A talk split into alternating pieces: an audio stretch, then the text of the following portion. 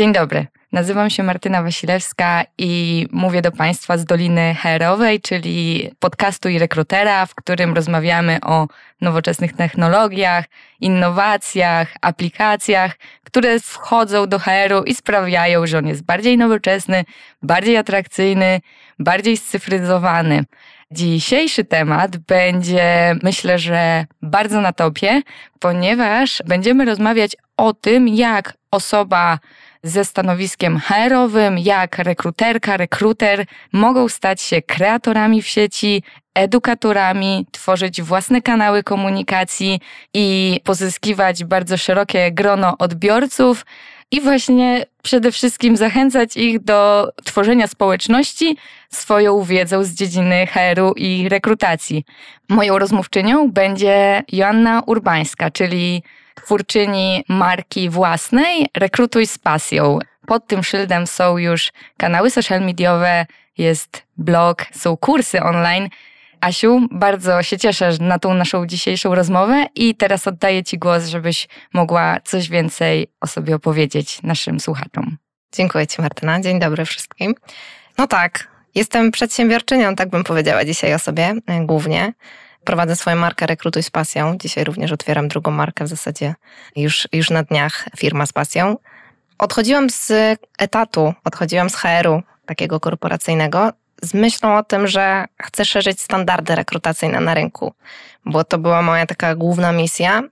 Obejmując swój zespół, widząc jak drobne rzeczy, które im podpowiadam ze swojego doświadczenia, które ja raczej ujęłabym jako coś podstawowego, jak one pomagają dziewczynom, to to mi wtedy pokazało, okej, okay, to ja chcę, ja chcę nie tylko swojemu zespołowi, nie tylko osobom, z którymi na co dzień mam do czynienia, ale ja chcę, ja chcę więcej, chcę pomagać większej liczbie rekruterów. No i tak dzisiaj właśnie prowadzę od dwóch lat ten biznes, robiąc materiały dla rekruterów właśnie pod szyldem Rekrutuj z pasją. Tak, jak e, przygotowywałam się do rozmowy, to dużo też czytałam o tym właśnie, kim są kreatorzy, edukatorzy, influencerzy, według serwisu Delip, który jest skierowany przede wszystkim właśnie do, dla internetowych twórców, tak jakby właśnie ten twórca, edukator to jest osoba, która właśnie tworzy własnego bloga, kursy online, kanały social media, nagrywa filmiki, występuje przed publicznością, więc w zasadzie jak czytałam tę definicję, to u ciebie wszystko jest odhaczone. I chciałam się zapytać, od czego zacząć, od czego ty zaczęłaś który moment był właśnie taki, że stwierdziłaś, że hej, mam wszystko, co trzeba, mogę wystartować? Mhm. Zaczynałam od bloga. Mniej więcej gdzieś e, sama marka wystartowała w marcu, natomiast bloga robiłam już od września poprzedniego roku, więc to takie dojrzewanie do tego, żeby wyjść, żeby to opublikować, to trochę trwało i samo zbudowanie bloga też trochę trwało.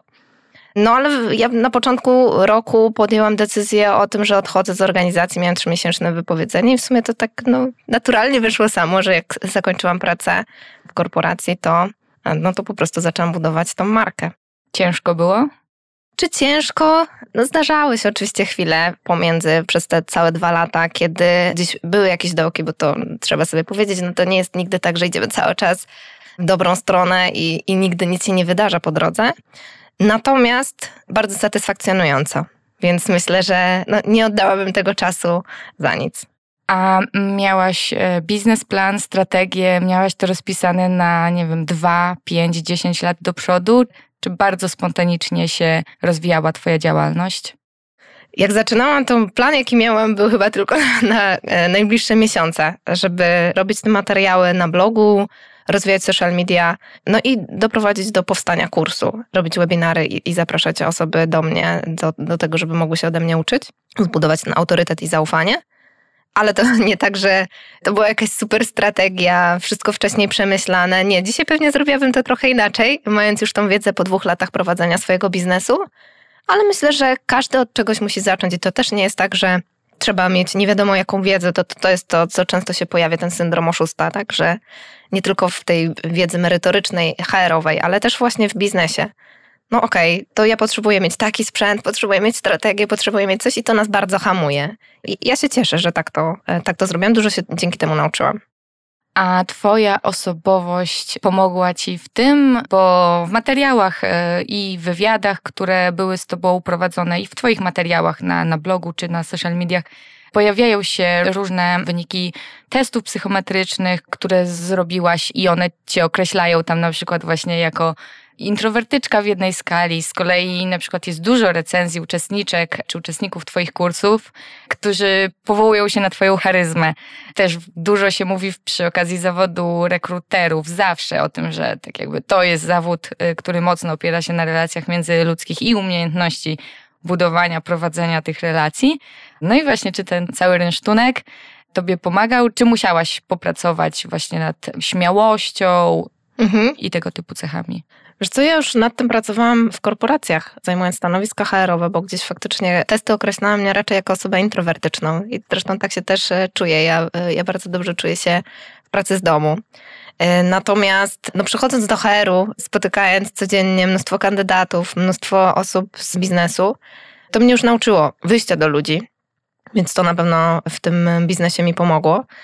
Natomiast kiedy budowałam markę Rekrutuj z pasją, musiałam się przyzwyczaić do zupełnie innego wymiaru, do kamery, do występowania właśnie podczas webinarów czy na swoich social mediach. To na pewno było jakimś wyzwaniem. E, natomiast myślę, że to, co dla mnie było najważniejsze, to ja miałam określony jasny cel. Ja wiedziałam, do czego dążę i wszystkie takie wyzwania po drodze mnie tylko umacniały w tym. Ja cały czas zawsze wracałam do tego, po co ja to robię.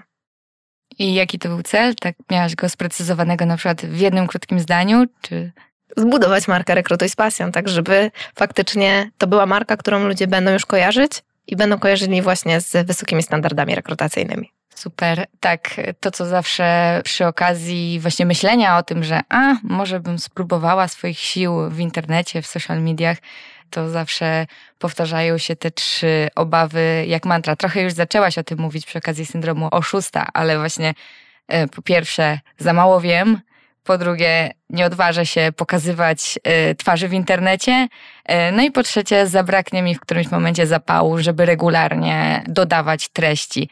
Jak ty sobie zarządzasz tymi obawami albo zarządziłaś? Mhm. No, chyba pierwsze, jakie się pojawia, to faktycznie to za mało wiem. To jest to, z czym ja sobie radziłam właśnie na początku i z czym mi pomógł mój zespół.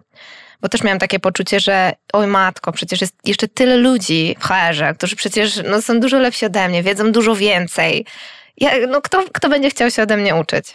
ale pracując z moim zespołem, gdzie widziałam, że to, co ja im przekazuję, jest faktycznie wartościowe i ja widziałam, jak te dziewczyny wzrastają, jak się rozwijają, jak zdobywają coraz więcej pewności siebie, no to to mi pokazało, że jednak warto sobie uświadomić, że okej, okay, my jesteśmy dzisiaj na jakimś poziomie, powiedzmy, i są osoby, które są wyżej od nas, ale są też osoby, które są niżej i chciałyby być tam, gdzie my dzisiaj. I to jest taki, e, taki pierwszy element, który trzeba sobie uświadomić, że są osoby, i nawet e, to są osoby, które nie chcą się wcale uczyć od tych najlepszych, najlepszych, bo oni im się wydają tacy nieosiągalni dla nich. I to jest, e, myślę, bardzo fajne. No i warto też sobie zweryfikować, czy przychodzą do nas osoby i pytają nas o zdanie na przykład. Bo ja tak też miałam. Dziewczyny pytały mnie, Asia, a jak to, a jak to? No to, to już jest jasny sygnał, że ktoś chce się od ciebie uczyć. Mhm. I to jest ważne. Drugie, o którym mówiłaś, to było coś z odwagą, prawda? Tak pokazywanie twarzy w internecie. O tak.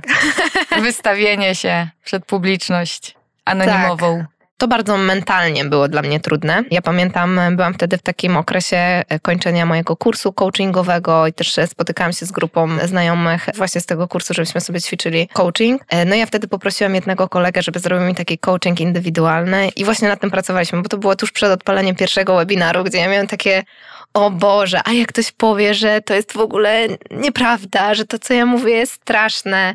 Miałam mnóstwo takich myśli, właśnie związanych z tym, że ktoś mnie skrytykuje, że ktoś napisze niemiły komentarz i co ja wtedy zrobię. I właśnie pracując podczas tej sesji coachingowej, kolega do mnie mówi, no okej okay, Jasia, ale co najgorszego może się stać? No ja sobie tak myślę, Jezu, no jak to co, no jak to co, ale tak dochodząc, dochodząc e, później kolejnymi pytaniami, no najgorsze co może się stać, to będzie mój ostatni, pierwszy i ostatni webinar, i więcej już się na tym rynku nie pokaże i tyle.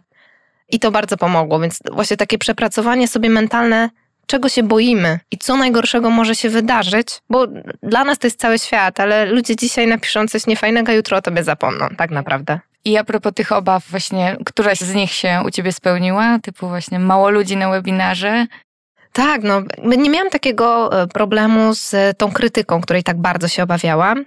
Ale faktycznie nikt mnie nie znał na początku. Pierwsze reklamy, ściąganie ludzi na webinar. Na moich pierwszych webinarach pojawiało się 20-30 osób, gdzie no okej, okay, cieszyłam się, że jest ktoś, ale no moje plany były takie, ojej, teraz mnie cały świat będzie oglądał. I to było trudne, to było trudne, żeby sobie powiedzieć, to wymaga czasu. Ale faktycznie dzisiaj, z perspektywy już e, tych dwóch lat, no dzisiaj na moje webinary zapisuje się po tysiąc osób, przychodzi na żywo po 400-500 osób i uważam to za osiągnięcie, ale to wymagało czasu, tak? To wymagało zbudowania tej marki, pokazania się ludziom, zbudowania tego zaufania. I jak sobie to w głowie ułożyłaś? Pierwszy webinar, 20 osób, mam siłę robić kolejne. Mhm. No to znowu było wrócenie do celu, po co ja to robię. I taka świadomość, że no sukces nie powstaje od tak. Nie? To nie jest tak, że dzisiaj wychodzimy i nagle zbieramy cały rynek. No, trzeba sobie to uświadomić, że to wymaga po prostu pracy. Zbudowanie czegoś w internecie, szczególnie jeśli nie robimy jakichś głupich rzeczy, to wymaga czasu. No i właśnie jeżeli chodzi o budowanie w internecie i tę regularność, czyli trzecia, trzecia wielka obawa aspirujących właśnie twórców internetowych, jak do niej podchodzisz? Mhm. Znowu się odwołam trochę do tego celu, żebyśmy wiedzieli, po co my to robimy i żebyśmy mieli tą świadomość, że to trwa. I taka regularność jest związana też mocno z dyscypliną. Musimy być zorganizowani bardzo, mieć plany na to, nawet taki krótkoterminowy, już nie mówię o strategii jakiejś długoterminowej, ale krótkoterminowy plan, żeby wiedzieć, ok, to co ja dzisiaj muszę zrobić, niezależnie czy mi się chce, czy przychodzi tylko 20 osób na webinar, czy już jest 500. Po prostu ja wiem, mam zaplanowane, wiem co potrzeba, żeby zbudować markę. No trzeba po prostu być w tym internecie, a to wymaga regularności. No i jak mamy plan, to po prostu według niego działamy, a jak przychodzi słabsza chwila, to wracamy do tego, po co my to robimy, dlaczego. Jak, jak wcześniej rozmawiałyśmy, też przed tą rozmową, to też wspominałaś, że, że bardzo właśnie ten introwertyzm tutaj tobie pomaga, że jesteś w stanie siedzieć w domu i się nie rozpraszać. E, jakbyś tak. mogła też coś więcej o tym powiedzieć? To prawda. E, ja myślę, że w ogóle introwertyzm, choć nie jest kojarzony z HR-em, to mimo wszystko większość ludzi, których znam w HR-ze, to są raczej introwertycy i to pomaga. Ja mam wrażenie, że to pomaga ze względu na to, że jesteśmy bardziej empatyczni, bardziej wyczuleni na drugiego człowieka, jesteśmy w stanie dostrzegać więcej rzeczy, ale z drugiej strony przy prowadzeniu swojego biznesu to też pomaga się skoncentrować. Ja mam swoje biuro we własnym domu. No nikt do mnie nie przychodzi w ciągu dnia, nie mam kontaktu z ludźmi tak jak, jak to jest w firmie, ale to mi się pomaga skupić, skoncentrować. Ja się nie rozpraszam na jakieś poboczne rzeczy, na rozmowy i tak dalej, tylko najpierw robię swoje zadania. I myślę, że ja już od pięciu lat pracuję w 100% zdalnie. Dwa lata swój biznes wcześniej też pracowałam już zdalnie, pracując w korporacjach. No i mam ten czas zorganizowany. Już trochę o tym mówiłyśmy właśnie, no też nawet mi się to łączy z tym introwertyzmem, czyli pewność siebie rekruterek, rekruterów, ponieważ ja odbyłam w swoim życiu trochę rozmów rekrutacyjnych jako kandydatka, tylko i wyłącznie. Zawsze przychodziłam na nie bardzo zestresowana, oczywiście. I nigdy nie przyszło mi do głowy, że druga strona może być również zestresowana. I dopiero czytając Twój artykuł chyba na LinkedInie, właśnie nienawidziłam rekrutacji, i gdzie było napisane, że przychodziłaś na rozmowę z kandydatami z bólem brzucha, mhm. no to mnie tak oświeciło, że hej, no jak to? Przecież rekruter jest tutaj mistrzem ceremonii. Tak jakby no, no ma pozycję dominującą w tej, w tej sytuacji. A tutaj właśnie wychodzi na to, że niekoniecznie tak jest. I właśnie chciałam się zapytać Ciebie o tę właśnie kondycję zawodu rekrutera, rekruterki w dzisiejszych czasach, kiedy no, ten zawód właśnie nie kojarzy się z jakimś super atrakcyjnym, tak? Bo były na przykład badania pokazujące, nie wiem, najbardziej szanowane zawody. Te badania są nawet z tego roku. Załączę w opisie do odcinka link do tych badań, gdzie zawód rekrutera no, jest na tych niższych pozycjach. Mhm. I właśnie co ty widzisz po kontakcie właśnie z ludźmi, którzy są zebrani wokół twojej marki? Mhm. Co, z jednej strony ja mam takie poczucie i to właśnie z, z mojego doświadczenia, ten artykuł, o którym wspomniałaś, nie ma takiej uwagi dla rekruterów w organizacjach. Tam zatrudnia się najczęściej osoby albo bez doświadczenia, albo awansując, nie wiem, z recepcji, z obsługi klienta, co oczywiście jest super, bo te osoby znają już organizację e, i to im pomaga. Natomiast potem, jak się już przerzuca je na te nowe stanowiska rekruterskie, tam nie ma szkoleń żadnych. I to jest najgorsze chyba, co, co spotyka na początku większość rekruterów, że oni nie wiedzą, jak to robić.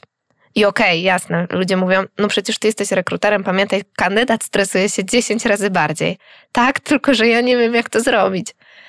A ludzie mają taką potrzebę przecież, żeby no, zrobić dobre wrażenie na kandydacie, ale przecież często jako rekruterzy też rekrutujemy z menadżerami, osobami z organizacji. Ta ocena jest dla nas bardzo ważna, szczególnie jak to są osoby introwertyczne, gdzieś takim powiedzmy z niższym poczuciem własnej wartości. No to tutaj ten stres jest bardzo, bardzo duży i nie ma takiego przyłożenia do tego, żeby faktycznie szkolić rekruterów. Ale to, co, co ja dostrzegam na przykład z mojej perspektywy e, osób, które kupują moje kursy, to jest bardzo duża potrzeba. Najczęściej, w zasadzie chyba w 80-90% moje kursy kupują osoby indywidualne. Czasami oczywiście proszą firmę o sfinansowanie, natomiast najczęściej to jest właśnie osoba indywidualna, czyli widać, że jest ta potrzeba wśród rekruterów, żeby robić to profesjonalnie, oni szukają tej wiedzy. I to jest na pewno budujące, ale myślę, że taki czas jeszcze przed nami nadejdzie. Teraz e, wchodzi e, bardzo mocno sztuczna inteligencja, która też myślę, że mocno zrewolucjonizuje trochę e, obszary HR-u. I myślę, że to będzie stawało się coraz ważniejsze i ta rola rekrutera i w ogóle HR-u też będzie się stawała coraz ważniejsza w organizacjach. Mam poczucie, że nadchodzi trochę koniec takiego czasu rekruterów byle jakich, takich, którzy przychodzili trochę z takim nastawieniem pokaż mi teraz kandydacie, co potrafisz. I będzie nabierało więcej znaczenia właśnie to, jak rekrutujemy, i co badamy podczas tych spotkań, w jaki sposób prowadzimy te, e, te rekrutacje.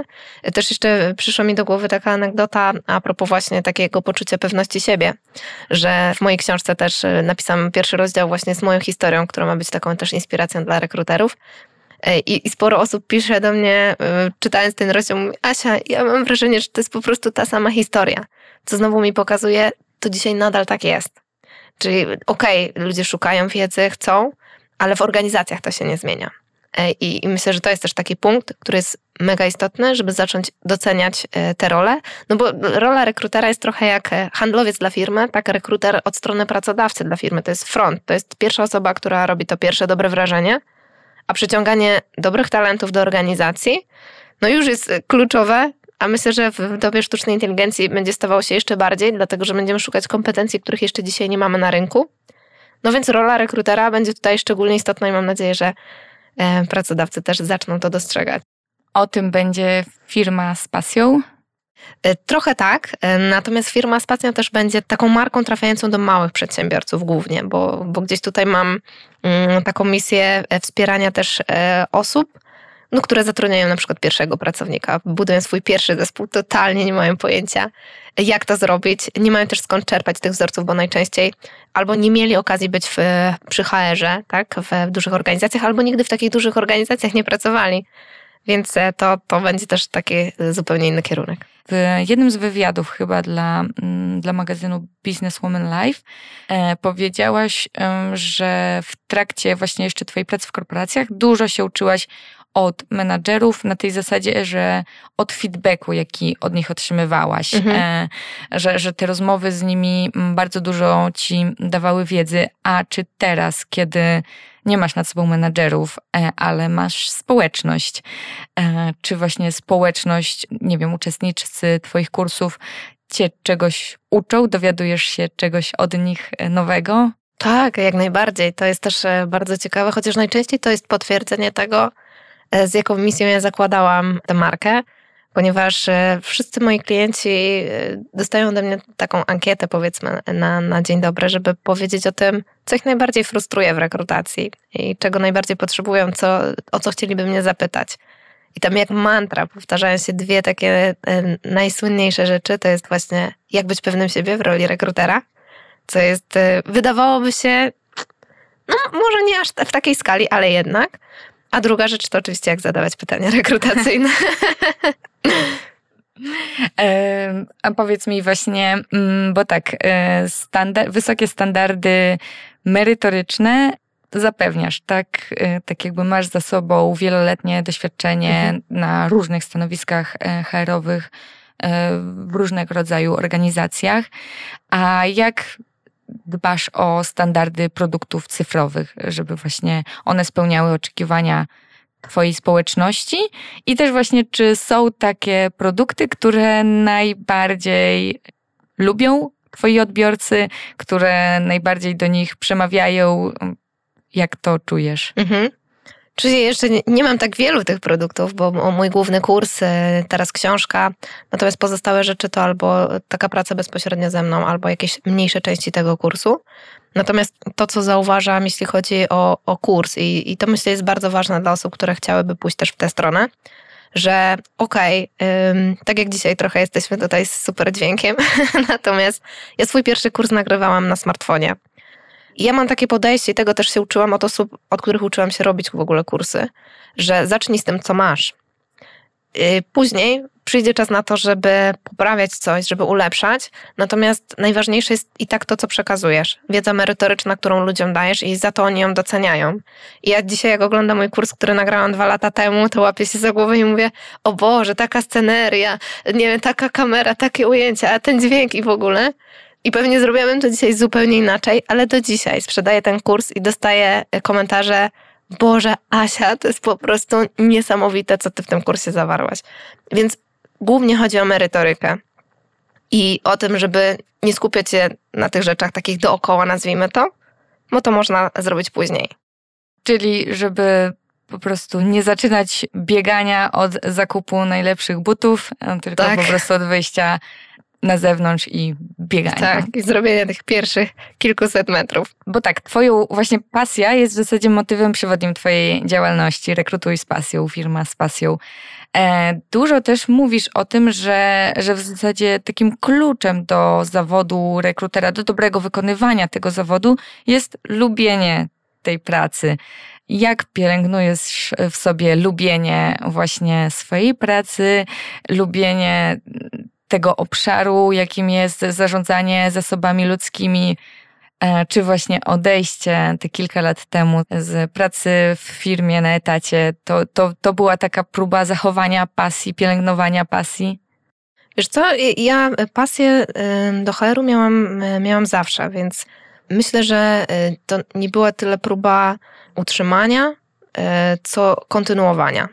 E, tej pasji w trochę innym wymiarze, bo gdzieś możliwości w organizacjach trochę e, zaczęły mnie ograniczać e, w kontekście tego, co ja chciałam robić, co mogłabym robić i co miałam poczucie, że trzeba zrobić na rynku, bo jeździłam na wiele konferencji HR-owych, gdzie cały czas mówiło się o tych tak zwanych best practice, ale jakoś wielu kandydatów, ja sama przecież jeszcze wtedy jako kandydatka rzadko kiedy doświadczam tego w organizacjach, E, więc jakby to mnie pchało, cały czas ten cel, nie? który za tym, e, za tym stał. Ale patrząc dzisiaj z perspektywy utrzymania tej pasji, myślę, że przy prowadzeniu własnego biznesu e, tu nie ma monotonii, nie ma, nie ma nudy, są możliwości. I to, że dzisiaj mogę po prostu docierać do bardzo szerokiej grupy odbiorców, to mnie, to mnie tak naprawdę napędza, nie? Że, że dzisiaj mogą mnie słuchać dzisiaj 300, jutro 500, a może już pojutrze 1000 osób, które będą na jednym ze szkoleń, nie? Tak. Mm, twój blog został wyróżniony między innymi jako HR-owe źródło wiedzy. E, masz już wokół e, swoich kanałów, właśnie na Instagramie, na YouTubie, e, na Facebooku zgromadzone po kilka tysięcy odbiorców na, na każdym z nich. Wydałaś książkę. Nie masz problemu z frekwencją ani na kursach, ani na webinarach. E, dostałaś też nagrodę za, za właśnie Rekrutuj z pasją. To była e, Polish Businesswoman Award. I w którym momencie stwierdziłaś, że okej, okay, to co zdecydowałam dwa lata temu, to była dobra decyzja, że właśnie zaczynam swoją działalność. Co, co było dla ciebie takim sygnałem, że jest dobrze, wypłynęłam i mhm. już kurs się stabilizuje i wiem, że przez kilka najbliższych lat mogę działać. Mhm. To myślę, że tutaj w ogóle warto zacząć od tego, że pierwsze pół roku to było, e, to było trudne. E, to był trudny czas e, zdobywania tych followersów, tak, tych osób, które mi zaufają, które dołączą do kursu. I na to też trzeba być przygotowanym. Ja mam wrażenie, że duża rzecz tutaj była taka mentalna. Ja zakończyłam pracę w korporacji, jednocześnie zamykając sobie regularny przychód na konto. No i wiedziałam, że ja muszę rozwinąć tę markę, muszę jak najszybciej zacząć zarabiać, no bo albo wrócę z powrotem na etat i moje marzenia legną w gruzach, albo nie wiem po prostu z czego będę, e, z czego będę żyć, więc była bardzo taka duża presja. Ja robiłam bardzo dużo rzeczy i ludzie doceniali, ale nie kupowali kursów. Więc początki były naprawdę trudne. E, a po pół roku, i to akurat tak się zgrało, że to był pierwszy webinar w nowym roku, styczeń, nagle robię, robię szkolenie i nagle po prostu zamówienia spadają, że ja nawet, nawet nie wiedziałam, co, co z tym zrobić, czy w to w ogóle wierzyć. Ale to był taki moment, kiedy miałam już poczucie, że ja sobie po prostu odpuściłam, że mówię, okej, okay, dobra, nie wiem, no będę szukać tej innej pracy, trudno. Mam już y, zabukowany termin na ten webinar, zrobię ten webinar i to był taki moment odpuszczenia i on był ważny. No i wtedy jak zaczęli e, dołączać do mnie kursanci i zaczęłam dostawać opinię o kursie, no to wtedy to jest to właśnie ten moment, okej, okay, to ja już wiem po co to robię. I czasami mam te momenty, dobra, rzucę to, bo już e, no, no czasami robimy, realizujemy jakieś pomysły, one nie przynoszą takich efektów, jakbyśmy chcieli. Ale z drugiej strony, no cały czas jedna opinia, druga opinia. Ktoś zmienia życie, ktoś dostaje pracę. No to jest, to jest cudowne. A potem jeśli chodzi o same nagrody, o których wspomniałaś, to już jest tylko takie potwierdzenie tego z zewnątrz. Jakby dla mnie najważniejsze jest to, co mówią rekruterzy o tym kursie, nie? Jak, jak oni zmieniają dzięki temu swoje życie. I to jest takim dużym motywatorem, no.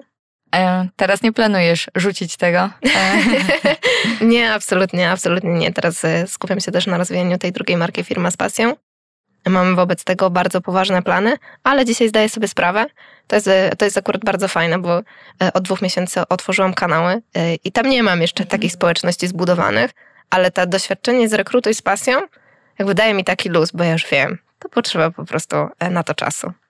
Bardzo cenne doświadczenie, tak jakby przejść przez tą mozolną e, właśnie drogę początków, kiedy naprawdę ma się wrażenie, że chyba popełniłam błąd e, i jednak potem starczyło tej siły i się przeszło na tą drugą stronę. Bardzo fajnie jest to mieć w swoim portfolio, żeby właśnie potem po prostu mieć odwagę na kolejne projekty. Mhm. Tak mi się wydaje, bo często ludzie nie pozwalają sobie na to doświadczenie. Właśnie przejście przez tą ścieżkę właśnie jałową, tak? Bo, bo na początku z tego nic nie ma i patrzy się na przyrost naszych KPI-ów, a one niekoniecznie przerastają jakikolwiek sposób, e, więc, e, więc tak, myślę, że, że wygrani są ci twórcy, którzy, którzy rzeczywiście mają to za sobą i, i wiedzą, jak podejść do rozwijania kolejnych projektów.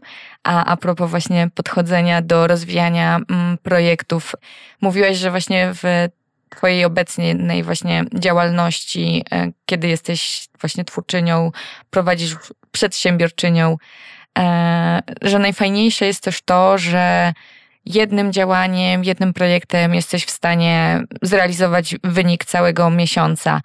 E, I właśnie, nie wiem, masz przykład takiego projektu, produktu, takiej rzeczy, która po prostu momentalnie kliknęła e, i, i, i, no, i okazała się sukcesem. Mhm. Wiesz co, pewnie jakieś konkretne rzeczy się pojawiły, natomiast to, co ja chciałabym powiedzieć właśnie w tym aspekcie, to jest to, że jak pracujemy trochę na etacie, to jest tak, że no okej, okay, dostajemy pewne wynagrodzenie, jasne, jakby za, za jakąś dodatkową pracę, tak, za jakieś e, super wyniki możemy e, dostać premię, natomiast no, mm, choćbyśmy nie wiem, co zrobili w danym miesiącu, to tyle samo wpłynie generalnie na konto. Przy prowadzeniu swojego biznesu o tyle jest to e, inne, że no spodziewamy się jakiegoś wyniku finansowego, ale możemy zrobić coś, co go zwiększy. I na przykład chociażby zrobienie, nie wiem, dodatkowej kampanii mailowej, dodatkowego szkolenia. Po prostu dzisiaj się decyduje, za tydzień robię szkolenie yy, i to przynosi dodatkowe profity, dodatkowe zyski. To, to, to jest coś, czego no nie możesz zrobić pracując w, w organizacji. To jest taki dla mnie jeden z tych elementów, które powodują, że ja już dzisiaj nie chcę wracać na etat. Że ja wiem, że choćby nie wiem, co się działo w moim biznesie, choćby nie wiem, jak było trudno, to ja zrobię wszystko, żeby z tego wyjść i prowadzić go dalej, bo to jest dla mnie mega motywujące też. Przechodząc przez e, właśnie tą e, ścieżkę od zaczęcia, od zera, budowania do, do, do osiągnięcia jakiegoś sukcesu, myślę, że bardzo ważnym tym elementem jest ta determinacja i, i też taka dyscyplina własna. Bez tego jest, myślę, że bardzo ciężko. Mocno podkreślałam ten, e, ten cel, który mamy. To jest jedno. Ale z drugiej strony trzeba sobie też powiedzieć, że okay, są rzeczy, które są fajne, są przyjemne i które my chcemy robić, ale są też rzeczy, które po prostu trzeba zrobić żeby to osiągnąć. I to też nie jest tak, że no nagle odchodzę sobie z organizacji, mam pasję, buduję rekrutuj z pasją i wszystko jest takie wow. No nie, no, no są też e, zadania, e, które trzeba po prostu wykonać, no ale kluczem jest ta dyscyplina, nie? I wyjście z tego takiego myślenia, że coś mi się przytrafi, e, że świat mi coś dobrego przyniesie, na rzecz tego nie, no to ja to buduję, tak? Każdy mój dzień to jest moja praca, która przyniesie konkretny efekt, konkretne działania. Z tym się, z tym się też właśnie zgadzam i utożsamiam, bo mm, to jest właśnie różnica, taka, taka dla mnie granica, kiedy nie wiem, traktowałam się jako e, nowicjuszkę na rynku pracy, a potem zaczęłam się postrzegać jako dojrzała osoba, dojrzały pracownik na tym, na tym rynku pracy, kiedy zdałam sobie sprawę, że to nie jest tak, że, że mi się coś przydarzy, że, że tak jakby w którymś momencie coś, coś szczęśliwie łupnie i ja będę mhm. w ogóle na, trafię na jakąś świetną ścieżkę kariery, tylko właśnie to, to jest konsekwentna realizacja jak, jakiegoś tam swojego mm, pomysłu na siebie mhm. i właśnie nie liczenie na to, że dobrze, dobrze, teraz jest tak sobie, ale za pięć lat będzie świetnie, tylko no nie, no muszę się wziąć garść i zrobić, podjąć decyzję, co mam w tym momencie zrobić, żeby, żeby rzeczywiście za pięć lat być w jakimś innym miejscu. Często to się wiąże na przykład z tym, że muszę zmienić pracę albo, mhm.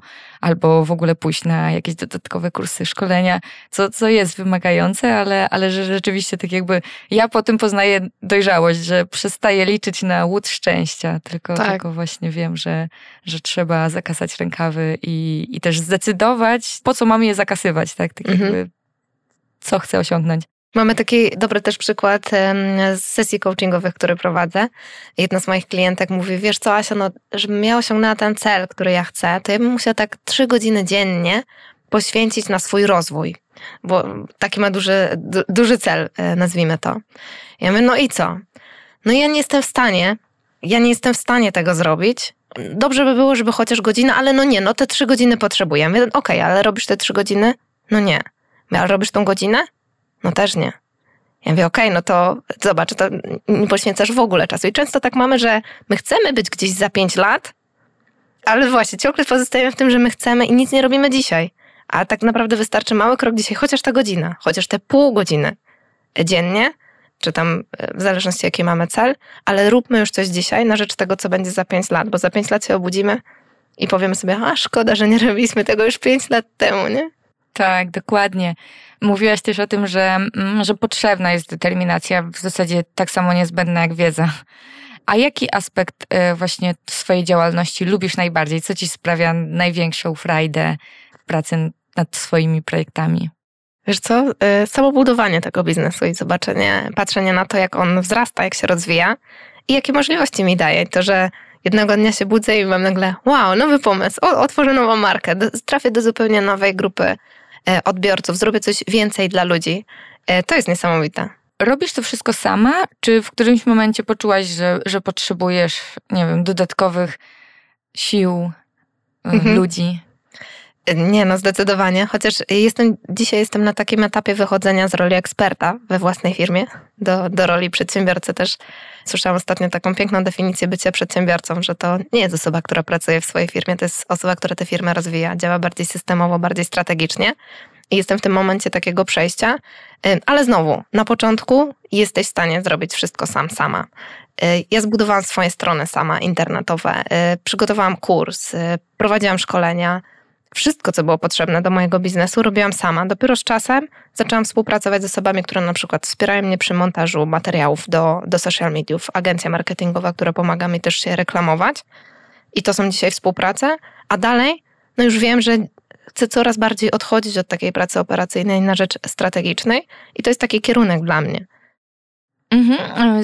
Potrzebowałaś na początku wielu narzędzi, aplikacji, nie wiem, kilku telefonów, bo mówiłaś o tym, że pierwsze webinary w ogóle na, na telefonie czy laptopie nagrywałaś, ale właśnie tak jakby, żeby jak już, jak już to wystartowało i, i wiedziałaś, że, że, że okej, okay, dziennie potrzebujesz wyprodukować kilka materiałów, e, to właśnie duży masz ten rynsztunek taki narzędziowy, no, z czasem przez te dwa lata trochę się na e, tego nazbierało. Dzisiaj mam wrażenie, że opłacam same abonamenty do aplikacji, które faktycznie pomagają mi rozwijać ten biznes, ale y, to się zwraca, więc to jest, to jest inwestycja, to, to ja nigdy tego nie traktuję jako, jako koszt, a jest mi to po prostu potrzebne, bo na przykład y, powoduje, że ja mniej czasu poświęcam na jakąś czynność dzięki da, danemu narzędziu. I na początku nie, no na początku robiłam to sama, bo nie miałam jeszcze takich przychodów, żeby w takie rozwiązanie inwestować. Dzisiaj jest inaczej, ale to też potrzeba na to czasu.